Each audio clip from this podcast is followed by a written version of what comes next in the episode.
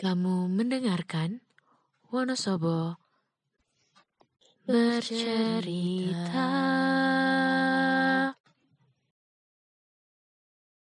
dengan tok itu jam setengah 12 malam. Tok tok tok gitu. Dari dulu tuh di keluarga aku ya. Tuh beredar cerita yang menurut aku sih apa ya eh, setengah percaya sih cerita yang ini dari dulu. Halo teman-teman. Wonosobo bercerita? Balik lagi di episode kali ini. Nggak kerasa bukan nggak kerasa sih ternyata udah berlanjut di episode selanjutnya dari Wonosobo bercerita ini. Setelah di episode-episode kemarin cerita soal alam kita bakalan cerita hal yang agak berbeda nih kali ini teman-teman gimana nih Naj kita mau cerita apa nih jadi ada salah satu kontributor kita yang nge-DM dan pengen nih berbagi ceritanya dia tentang sesuatu yang nyeremin. Wadah udah siap belum nih? Uhuhu. agak eh, apa ya siap-siap ini ya berarti mau dengerin cerita yang agak horor gitu ya agak horor kali ya iya Eh, sambil mewarnai podcast kita supaya balik lagi ke eh, niatan awal kita Wonosobo bercerita nampung cerita cerita orang yang pengen cerita aja ke kita nah sekarang bakalan ada teman kita yang bakalan memperkenalkan diri nih di podcast kali kita halo Jadi, Halo. Ya, jadi eh, aku Safef. Di sini jadi aku kemarin nge-DM gitu. Pengen bercerita nih. Nah, karena aku jujur aku jarang banget yang namanya cerita horor karena ya aku sendiri takut gitu jujur. Tapi sempat interest juga sama Wonosobo bercerita nih. Jadi aku pengen cerita tentang huntu. Gitu. Huntu. Oke. Baik. Di podcast kali ini Safep udah membawa cerita ya yang udah pengen diceritain. Eh, bisa mulai nih dimulai cerita horornya. Jadi eh, huntu itu dimulai di lebih tepatnya di bekas rumahnya nenek aku, nenek dan Hmm. kakek aku lah ya. Jadi eh, dulu itu kan eh, tempat tinggalnya keluarga dari ibu aku. Nah Hmm. setelah nenek aku meninggal di tahun 2008 atau 2009 sekitar tahun itu kan udah kosong lah nggak dipakai selama beberapa tahun. Nah setelah akhirnya kan kayak ah buat apa nih? Terus di itu deh di apa diratain dan diganti kebun. Nah setelah itu muncullah kejadian-kejadian mistis gitu. Nah sebenarnya aku eh, sendiri belum pernah ngalamin yang secara langsung, Hmm. tapi bener-bener banyak banget yang cerita gitu aku dengar-dengar Hmm. dari tetangga, dari eh, saudara aku yang tinggal di sebelah situ Hmm. gitu. Jadi sering ada yang dengar suara orang nangis, suara orang ketawa. Intinya sering ada yang tahu kalau di situ kayak ada aktivitas gitu loh di situ.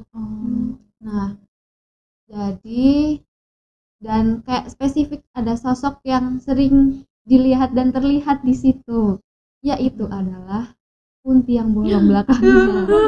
dan benar-benar sangat detail banget gitu loh orang yang lihat tuh, pokoknya itu itu gitu. Itu berapa kali? Sampai berapa kali kejadian? Ah, jadi ada beberapa narasumber gitulah ya. Oh iya. Dari pertama tangga depan rumahnya. Hmm. Tangga depan rumahnya itu pernah malam-malam eh, belum malam banget sih, mungkin masih Isya atau eh, gitu keluarlah tuh.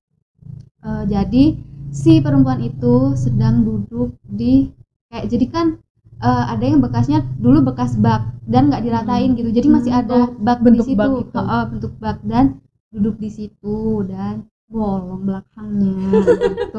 berarti dia eh, punggung lihat punggungnya dong Iya. lihat depan dan juga sering kayak jadi kan rumah kalau mau ke masjid itu kan lewat rumahnya eh bekas rumahnya nenek aku itu Hmm, dan hmm. sering orang yang mau ke masjid itu kayak ngelihat lah ada perempuan yang ngeliatin lewat misal lewat bawahnya terus kayak dari atas dari kebunnya itu Hmm. kebunnya tempat nenek aku itu ada yang ngeliatin gitu dari atas.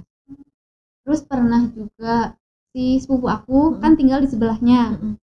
terus kayak malam-malam gitu dengarlah nangis suara nangis. Dan diintip ya emang beneran ada yang nangis. Dan kelihatan wujudnya gitu loh nggak cuma suaranya. Kalau biasa kita dengar itu untuk kan eh, suaranya doang nggak ada wujudnya. Itu benar kayak ada dan beberapa kali juga gitu. Tapi kalau di apa di deketin misal eh, terus dideketin ke situ udah nggak ada gitu. Itu ada yang berani ngedeketin.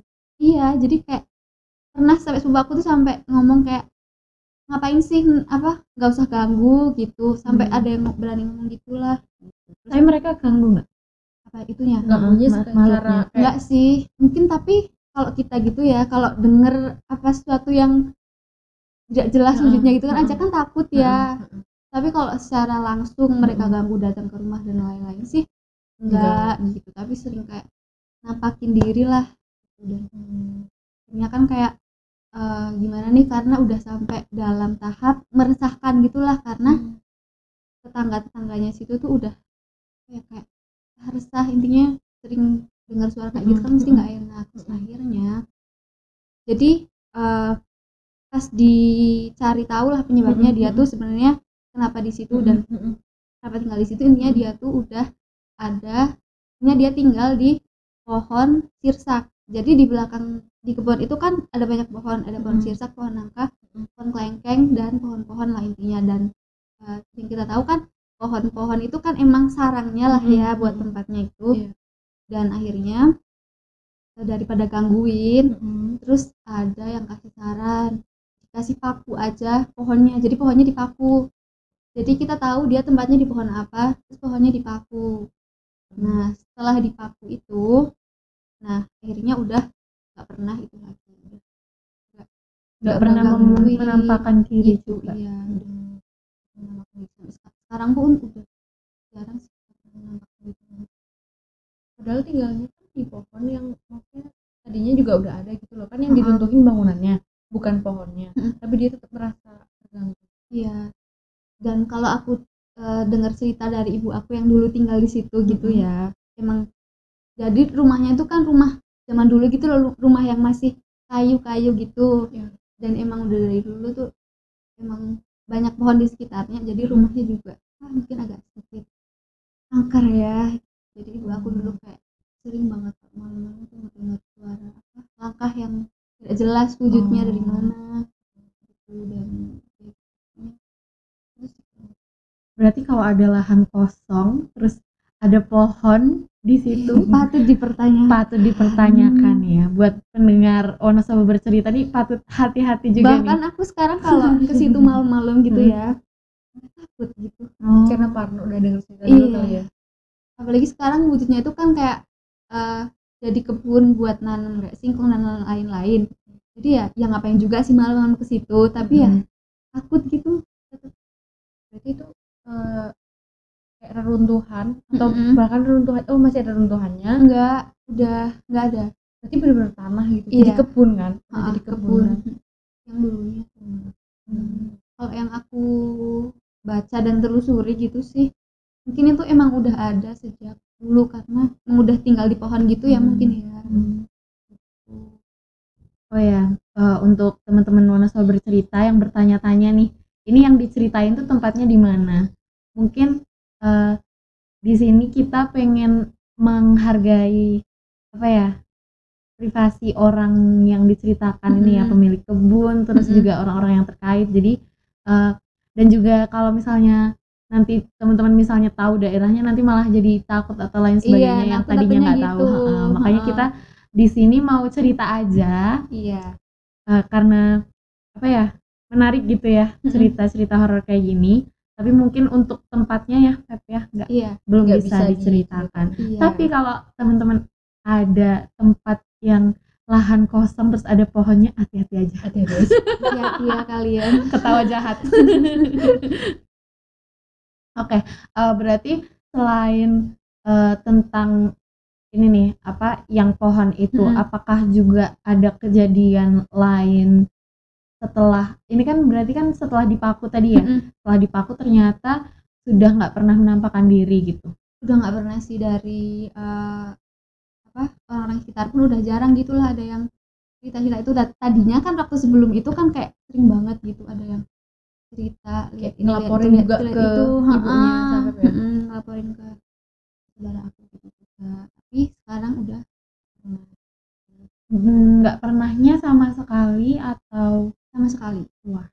entah ya dipaku. aku juga nggak tahu juga apa prinsipnya dan apa kenapa dipaku, Kenapa dan dipaku? kenapa bisa diem nggak pernah gangguin lagi gitu loh menarik mungkin teman-teman Wonosobo bercerita kalau misalnya tahu, tahu bisa alasannya. Atau juga mungkin kenal orang yang kira-kira tahu nih hal-hal kayak gini mungkin Iya. yang menarik buat diceritain di aku juga eh, penasaran. heeh, bener. Di Wonosobo bercerita juga bisa di DM ataupun email gitu. Nah, terus waktu nyari oh dia tuh di sini gitu tinggalnya di pohon yang ini gitu Mak, gimana caranya? Itu mungkin orang-orang yang memiliki itu kali ya. Itu Punya- tetangganya siapa? Bukan tetangganya neneknya aku. Jadi aku kan beda daerah sama oh. nenek aku. Nah Hmm. orang situ gitu loh orang yang dekat Heeh. situ. Nah kayak ini tuh tempatnya di pohon sirsak gitu katanya. Dan terus akhirnya itu deh dipaku supaya diem gitulah istilahnya. Hmm. tapi penyebab dia gangguin berarti sampai sekarang juga nggak tahu. Mungkin mungkin niatnya nggak gangguin ya. Mungkin niatnya emang seperti itulah Wujudnya. dia ingin menunjukkan eksistensinya. Oh bisa bisa bisa. Tapi jatuhnya ke Kita orang lain terganggu. ya karena gitu. Karena Ini akses akses buat ke masjid juga kan iya dan kayak ini tuh rame. Tapi entah kenapa aku ngerasanya itu kayak hawanya tuh hawa-hawa mengerikan gitu. Banyak rumput-rumput pohon-pohon gitu. Ngeri aja gitu Hmm. Kalau Najma di sekitar rumahnya Najma gitu ada nggak yang tempat-tempat eh, tanah lapang dengan pohon dan rumput-rumput gitu mungkin? kalau tanah lapang kayaknya enggak sih. Tanah lapang ya lapangan maksudnya. Tapi kalau misalkan cerita-cerita daerah sini sih paling yang agak eh, angker itu ya sungai. Karena itu kan meskipun sungainya kecil alirannya kecil tapi dia kan curam jadi kayak jurang gitu loh jatuhnya. Nah itu eh, waktu itu juga pernah kan di kan ada jembatan Kalau ini boleh di spill namanya nggak nih?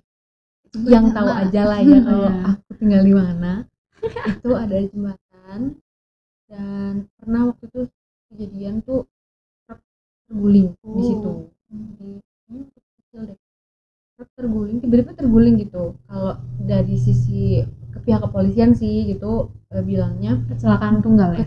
ya jadi eh enggak jadinya enggak enggak tunggal. Cuman penyebab utamanya truk itu tapi akhirnya eh, dia nabrak kendaraan yang lewat di seberangnya gitu loh. Cuman yang meninggal yang dan dia jatuh gitu loh jatuh sampai jadi kan jalan. Terus dia nggak ngelewatin jembatan jembatannya itu cuman jadi ada jalan terus jembatannya itu menghubungkan antara jalan ke jalan desa gitu loh. Nah, jadi truknya itu setelah menabrak apaan terguling kan. Mm-mm. Terus ya kalau si supir truknya itu masuk ke jurangnya. Kalau orang sini sih bilangnya kayak gitu. Tapi sejak itu kayak ada penampakan atau apa gitu nggak? Eh, pernah sih waktu itu beberapa tahun nggak lama satu atau dua tahun setelahnya itu ada orang minta tolong minta tolong tapi nggak jelas di mana tapi di situ gitu loh. Siapa itu? minta tolong. Terus waktu ya takutnya kan orang tenggelam atau gimana ya. Karena waktu itu lagi musim hujan juga takutnya orang ke bawah arus. Cari nggak ada. Siapa gitu. Dan aku mau cerita lagi tapi ini eh, di sebelah tanahnya nenek aku. Yang Iya, tanah masih- tadi iya, diceritain tanah yang ya? tadi masih di sebelah sekitar situlah. Jadi eh, ini kejadian dialami oleh ibu aku. Jadi waktu itu kan habis maghrib.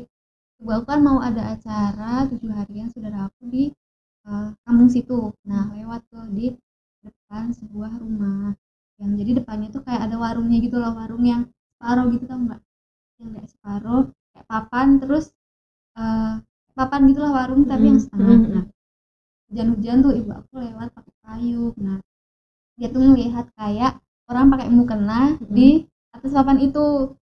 Nah ketika sampai di situ ibu aku belum mikir aneh-aneh lah. Heeh. mungkin oh mungkin lagi orang yang di rumah itu kali ya. Mm-mm. tapi setelah mikir-mikir ngapain ya orang? Hujan-hujan hujan-hujan oke lanjut. Mungkin hujan-hujan dia di situ gitu loh. Dan kayak badannya tuh separuh di papan separuh enggak gitu loh. Jadi kayak apa ya kayak bisa bayangin nggak sih kayak badan kamu dari kepala sampai perut di papan kakinya tuh kayak kipik-kipik gitu loh. Seru banget. Tapi ibu aku belum mikir sampai situ.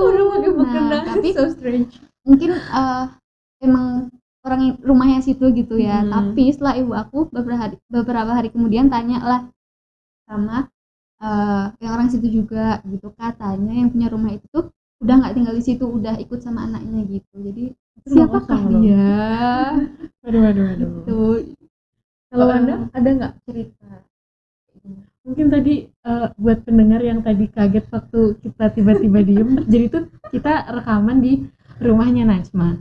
Nah di rumahnya Najma tuh ada kayak ini ya tanaman jalar gitu menjalar di dinding-dinding taman di tengah rumahnya Najma. Terus tiba-tiba ada tanaman yang ambruk gitu kayak mau ambruk gitu makanya kita kayak kaget pas banget pas kita lagi cerita kayak gini gitu padahal selama sebelumnya aku ke rumah Najma tuh nggak pernah nggak pernah denger gitu. tapi tapi emang kebetulan aja ya semoga ya ya aja Kalau tadi balik lagi ke pertanyaannya Najma ya, eh, kejadian horor. Kalau aku pribadi sih enggak, cuman ada cerita yang ini dari dulu. Lepas itu mungkin waktunya lepas gitu loh Nas. Oke. Oke. Pause. Oke. Maaf banget nih buat temen-temen dengar Wonosobo bercerita. Dia ada sedikit gangguan karena untuk yang kedua kalinya tanamannya tuh ambruk. Jadi kita panik gitu. Ada teriak-teriak deh. Hmm. Jadi ini gimana nih enaknya? Mungkin mungkin lanjutin aja kali ya. Lanjut aja deh semoga sih kayaknya nggak ada apa-apa ini cuma kebetulan aja oh kita lanjutin Oke, tadi kan aku udah, terus Afif juga udah cerita. Sekarang gantian Wanda nih, ada nggak suatu kejadian yang Kalau aku pribadi sih, jadi tuh eh, dari kecil sebenarnya kayak eh, aku sih ngerasanya nggak pernah ada yang aneh-aneh gitu ya. Terus cuman yang menarik sih dari dulu tuh di keluarga aku ya, tuh beredar cerita yang menurut aku sih apa ya eh, setengah percaya sih. Soalnya tuh ceritanya gini, jadi katanya eh, dulu kan Wonosobo masih ini ya kan gitu-gitu. Mm-mm. Nah kabarnya sih nenek moyang nih, nenek moyang kayak kakeknya kakek-kakek. Pokoknya yang urut-urutannya aku juga nggak paham. Itu eh, istilahnya masih ada kesaktian gitu. Nah terus sih katanya sih sempet kalau dulu tuh masih ada makhluk yang berupa hewan jadi kayak siluman hewan Oh, gitu. iya. Terus ceritanya kakekku tuh eh, bertarung wow. sama siluman, siluman. harimau. Makanya aku tuh setengah percaya, setengah Hmm. enggak. Tapi kan ya masalahnya beredar beberapa, maksudnya di, beredar di keluargaku gitu loh. Cerita ini tuh kayak aku diceritain bapakku soalnya. Eh, jadi kakek dari bapakku kan asli Wonosobo dari dulu lah pokoknya. Terus diceritain katanya karena udah ngalahin Mm. ceritanya tuh bikin perjanjian gitu katanya eh, buat ngelindungin eh, keturunan Mm. kakekku berarti kan aku termasuk keturunannya yang dilindungi gitu sih. Ya makanya kayak eh, nggak tahu ini emang kebetulan maksudnya aku nggak pernah diganggu atau nggak pernah lihat dan lain sebagainya itu karena itu atau emang kejadian aku masih eh, setengah percaya setengah enggak lah. Soalnya ini kayak mitos banget. Ya nggak sih? Iya. lagi aku Iya. pribadi orangnya logis seperti yang kalian tahu aku tuh orangnya bener-bener logis gitu loh. Jadi kayak antara percaya nggak percaya cuman kan di dunia ini katanya kita hidup berdampingan gitu ya. Jadi nggak bisa sepenuhnya nggak percaya gitu sih. Gitu. Kalau sampai di rumah itu pernah? Kalau aku nggak pernah sih kalau di rumah aku yang sekarang ini ya nggak pernah. Karena mungkin emang akunya yang nggak notice atau eh rumah aku kan di daerah rame. Mm. jadi kayak teralihkan mungkin ya jadi aku nggak pernah mengalami kejadian-kejadian kayak gitu sih pernah Wanda? sekali. enggak yang tadi aku bilang makanya aku nggak pernah sama sekali gitu. Iya. mau di kayak waktu wandangan kuliah terus tinggal di kos iya padahal aku tinggal di asrama nah Mm. aku tuh eh, kamarku di bagian paling belakang asrama di mana di paling belakang dan di belakang asrama aku tuh kuburan wow terus aku tuh waktu pertama-tama masuk asrama itu asramaku tuh eh, diginiin sama orang-orang kayak hati-hati loh sering aneh-aneh gitu. Tapi waktu aku tinggal di situ aku bener-bener bahkan pernah apa sih kalau kuliah kan sering ini ya pulang malam Iya. event gitu gitulah pulang malam hmm, nggak nggak ada kejadian sih. Padahal aku juga lantai paling atas. Terus kadang juga kalau teman kamarku udah tidur atau teman kamarku lagi nggak di kamar juga ah, nggak ada kejadian antara asik nggak asik tapi alhamdulillah ya. Daripada ada kejadian. Kebetulannya sih pas aku di situ nggak ada kejadian aneh-aneh gitu aja. Kalau Nasma mungkin? Kalau aku waktu aku kalau di sana kuliahnya asrama sih ada beberapa kejadian ya. Cuman eh, takutnya nggak enak kalau di share di sini. Mhm. itu kan udah itu beda konteks mungkin udah beda konteks eh, dan itu kayak udah emang ada cerita sih sebenarnya. Jadi kalau misalkan waktu aku ngekos pernah. Jadi mungkin itu yang kayak waktu SMA ya? Waktu SMA waktu SMA aku ngekos itu menurutku itu yang aku notice sih. Kalau sebelumnya kayak di rumah itu kayak ibu aku atau adik aku pernah lah kayak cuman nggak bener-bener cuma ngerasain kayak ada orang yang ngeliat kayak ngeliatin gitu loh. Jadi kan di ruang tamu itu kan direct sama dapur.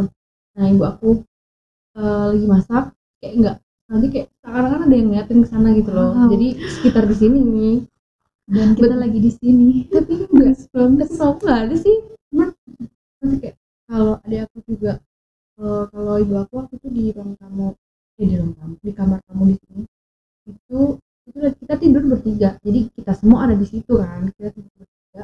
Terus kayak eh, kita tuh ngadep sana semua miring gitu loh tidurnya. Nah dari masuk pintu kayak ada yang di sebelahnya gitu loh. Kayak ada yang gimana sih kalau ada yang tidur di sebelahnya? Terasa, Jaceri iya. gitu ya? Heeh, kayak jadi gitu. Kalau aku di kamar waktu itu sih di kamar itu kan kamar kan double bed gitu loh atas bawahnya kan. Iya. Mm-mm. terus aku itu sendiri kayaknya kalau nggak salah sendiri tidur di sini. Eh, di kamar itu waktu itu sendiri. Terus dia kayak ada yang tidur waktu itu emang lagi capek banget sih jadi bisa iya bisa enggak lah ya. Terus ya kayak ada yang apa sih goyak gayet ini loh. Wah itu kenceng. Jadi kayak aku kira tuh kasur, gempa, aku gempa. kira tuh gempa sampai aku bangun gitu loh. Sampai aku bangun terus kayak gak ada apa-apa. Langsung diam. Diam. oh ya udah. Aku cuma pindah ke kamar ke kasur yang atas gitu doang. Ya udah aku lanjut tidur soalnya aku emang orangnya secuek itu kali ya. Jadi aku tuh eh, aku tuh pernah aku ngerasain kok kalau aku tuh penakut karena aku nonton horor gitu loh. Mungkin teman-teman juga bisa coba. Coba deh stop nonton kayak gitu gitulah. Kalau ngerasa kayak aduh aku jadi penakut banget. Karena eh, setelah aku nggak dari setelah aku nonton horor dari SMA aku nonton horor sama sekali ya udah kayak cuek banget gitu loh. Dan mungkin itulah alasan kayak orang-orang notice aku nggak. Nah, sampai akhirnya kejadian waktu aku SMA nih. SMA itu waktu itu tuh jam 11 atau setengah 12 semuanya udah pada tidur dan kan kami kos itu cuma bertiga tiga orang. Nah mereka berdua lagi nggak di kos lah intinya. Aku juga lupa kenapa aku sendirian. Terus ibu kos sama anaknya itu di kamar yang dalam gitu loh. Kan itu kayak di depan gitu. Jadi ibaratnya aku tuh kayak sendirian di jejer-jejer kamar tiga tuh aku yang paling depan jadi aku yang langsung eh, sama dunia luar gitu lah sama teras tuh aku yang paling depan Tiba ada yang ngetok itu jam setengah 12 malam. Tok tok tok gitu. Dan itu di kamar aku. Kayak aku langsung feeling itu nggak mungkin manusia gitu lah. Mm-mm. pokoknya nggak mungkin ini kayaknya kalau orang. Kamu kayak yang di film-film horor nggak yang kayak udah tahu nggak mungkin terus Tapi dideketin gitu. Awalnya aku penasaran malah kayak aku mau deketin terus kayak ngapain? gitu tapi kayak Hmm, udahlah nggak usah. Takutnya malah sana marah atau gimana kan. Iya sih. Itu aku lihat jam itu. Ternyata cuma setengah jam doang dia ketok-ketok. Habis itu mungkin dia menyerah. Oh itu ngetoknya selama lama. itu? jadi nggak tok tok tok gitu nggak tapi tok tok tok tok tok diam. Oh. Tok tok tok tok tok tok Oh, aku kira sekali Betul. doang wow Cuma waktu itu aku awalnya mikirnya tikus sih atau tikus kali ya gitu. Mm. Mungkin bukan ngetok di di pintu, mungkin di atas tapi kedengaran seperti di pintu ya nggak tahu juga. Ya udah, aku cerita sama bosku gitu ya. Udah. Jadi mungkin kalau misalkan mau ngekos jangan awalnya tuh aku mikir mungkin enak lah kalau di itu kayak kamarku tuh kayak kamar tambahan gitu loh tadinya nggak ada misalkan ada teras terasnya agak luas terus ditambahin Lebih satu kamar di situ. gitu jadi Eh, jadinya tuh kayak eh, aku punya bisa langsung keluar Hmm, akses keluar akses keluar langsung. langsung gitu. Jadi motor juga bisa langsung masuk.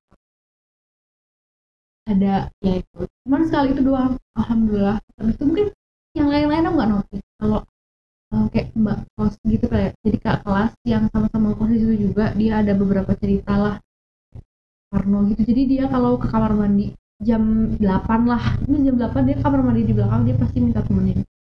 Mandi aja dia minta, minta bareng gitu loh iya mandi. sih can relate. Jadi ya cuman kalau aku sih bukannya nggak percaya sih cuman nggak tahu kayak udah mungkin karena kalau nonton horor kan ada bayangan nanti aku melihat yang seperti ini seperti ini gitu. Karena Iya. aku nggak pernah melihat cuma sampai situ aja gitu. Soalnya ayah aku juga bilang mereka tuh cuman bisa mentok tuh cuma sampai situ doang. Yang bikin jadi lebih menakutkan tuh bayangan kita sendiri gitu Hmm. loh. Benar-benar kadang kan juga misalnya ngegantung baju terus bentukannya tuh kayak jadi kayak manusia gitu. Terus pas malam-malam kaget sendiri. Takut sendiri ya itu itu kadang terjadi sih ya. Kadang.